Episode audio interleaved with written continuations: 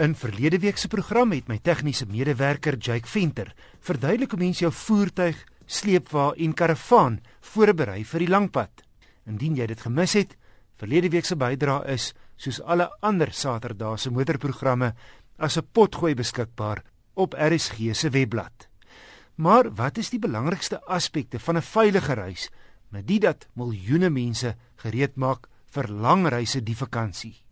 Die bestuurde direkteur van driving.co.za, Rob Hanfield Jones, sê goeie beplanning is noodsaaklik. Daar's 'n klomp goed wat 'n mens beplanning voor moet maak of voorsiening voor moet maak. Kom ons bepaal ons by die motor. Hy moet nou natuurlik in stand wees om 'n lang pad aan te durf. So ons praat hier van banddrukke, wanneer laas is hy gediens, is sy wielsporing akkuraat gestel? Wat Ja, wat meer belangrik is as wat mense sou dink, want as die wielspore nie reggestel is nie, dan trek die voertuig of die een kant of die ander kant toe of as jy rem slaan dan trek hy een kant toe. En nadat mense 'n paar honderd of 1000 km met so 'n motor gery het, kan dit nogal uitputtend wees. So dis dis 'n baie belangrike punt. En dan moet mense ook nou natuurlik kyk na die toestand van die mense, die insittendes en die bestuurder. Hoe gereeld is jy van plan om stil te hou om uit te rus. Waar gaan jy dit doen want mense moet ook veiligheid in ag neem. Uh, dis nou nie soos die ou dae waar jy enige plek langs die pad kon aftrek en slaap nie. Hier staan met die mense jou aftrekpunte baie versigtig kies sodat jy nie dalk in 'n 'n kaping situasie beland terwyl jy probeer uitrus nie. Rob het nou genoem van die banddruk. Belangrik natuurlik om seker te maak dat daar 'n spaarwiel is. Ja, waar dit by jou spaarwiel kom, is daar twee aspekte. Nommer 1, dis moontlik dat jy moet nie 'n spaar wil het jy daar paprybande op. So dan moet jy net bewus wees van, van die feit dat as jy 'n pad wil sou kry, jy nie vinniger as 80 km/h op daai band wat nou al sy ligdruk verloor het mag ry nie. Maar dit is gewoonlik genoeg om jou tot by 'n punt te laat uitkom waar jy die band kan vervang.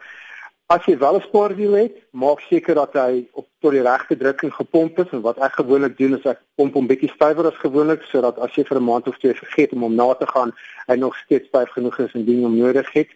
Moenie 'n ou afgeloopte gehawende band in jou bagasiebak as jy spoorwiel los nie, want jy kan dalk nodig hê om in die reën op daai spoorwiel te ry en as hy dan glad is, gaan jy 'n probleem hê as jy hom draai moet gaan of as jy groot reënneerslae kry nie. Onthou ook dat daai band nie beskadig moet wees nie. Hy moet wettig wees. Hy moet nie snye en sulke soort van skade hê nie, kneusmerke en so aan nie. Gepraat van reën raak, motoriste moet onthou dat hulle voertuie swaarder gelaai is as gewoonlik. So jou remafstand gaan waarskynlik langer wees. So 'n goeie volgafstand is hier van kardinale belang. Baie belangrik, ja. Kyk, vir 'n volgafstand moet mense twee goed in ag neem. Nommer 1 Wat is jou menslike reaksietyd? Dis die tyd wat jy nodig het om 'n gevaar voor jou waar te neem en om reg te maak om iets aan te doen. Dis gewoonlik 'n sekonde of wat. Dan het jy tyd nodig om iets daaromtrent te doen, omtrent die gevaar. So jy het twee keuses, jy kan of rem slaan of jy kan uitswaai. En ten minste 2 tot 3 sekondes van reaksietyd of of aksietyd, kom ons neem dit maar, is nodig. So jou volgafstand moet 2 tot 3 sekondes wees as jy swaar belaai is voeg nog 'n sekonde of twee daarby. En natuurlik as jy op 'n gladde pad ry of veral as dit nat is, onthou dat jou remafstande in nat weer kan verdubbel in vergelyking met jou remafstand in droë weer. So teen 120 km/h waar dit jou moontlik 9 of 10 sekondes gaan vat om stil te hou, moet jy jou volgafstand bepaaldelik dan langer maak om seker te maak dat jy wel iets omtrent in 'n noodgeval situasie kan doen. Goeie idee om met ligte aan te ry?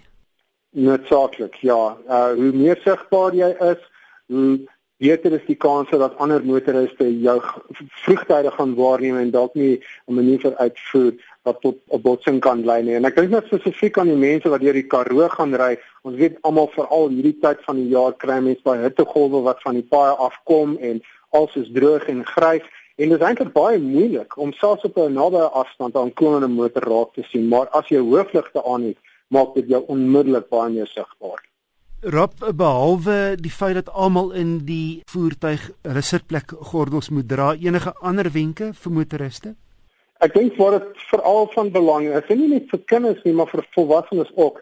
is om seker te maak dat die passasiers iets het om hulle mee besig te hou want nommer 1 'n verveelde passasier raak mense weet mos altyd is dit met kinders veral as jy 'n paar ure lank al gery het en dan begin hulle onrustig raak. So dit help om hulle om die die verveeldheid van die rit verby te kry, maar dit belangriker nog as dit help dit jou dat hulle jou nie as bestuurder se aandag aftrek nie. Want dis nou maar hoe dit sou gebeur terwyl die kind agter pappa se aandag vra en jy so oor jou skouer kyk, is dit wanneer die vragmotor aan die verkeerde kant van die pad voor jou beland. So daar is 'n baie goeie veiligheidsrede om seker te maak dat jou passasiers vir die duur van die rit iets het om hulle mee besig te hou. Robin dan het ek van 'n luisteraar, hy stel homself net as vleenier bekend. 'n Brief ontvang, hy sê Wat is u opinie oor die gebruik van handvrye fone? Daar's in die jaar 2000 deur die Automobiele Assosiasie van Amerika 'n studie gedoen. Dit is waarskynlik tot vandag toe nog die mees omvattende studie oor die verskillende wyse waarop dit bestuur se aandag afgetrek kan word wat gedoen is. En die een ding wat hulle bevind het, is dat die gebruik van 'n handvrye foon terwyl jy bestuur een van die minste aandag afleidings aktiwiteite as as mense dit so kan noem soos ek reg onthou het die foon aktiwiteit slegs minder aandag aftrekking tot gevolg gehad as 'n sigaret rook. Dan moet ons net hier byvoeg ons bepaal ons hier spesifiek by die gebruik van 'n foon met ander woorde om op hom te praat. Jy maak 'n oproep met ons.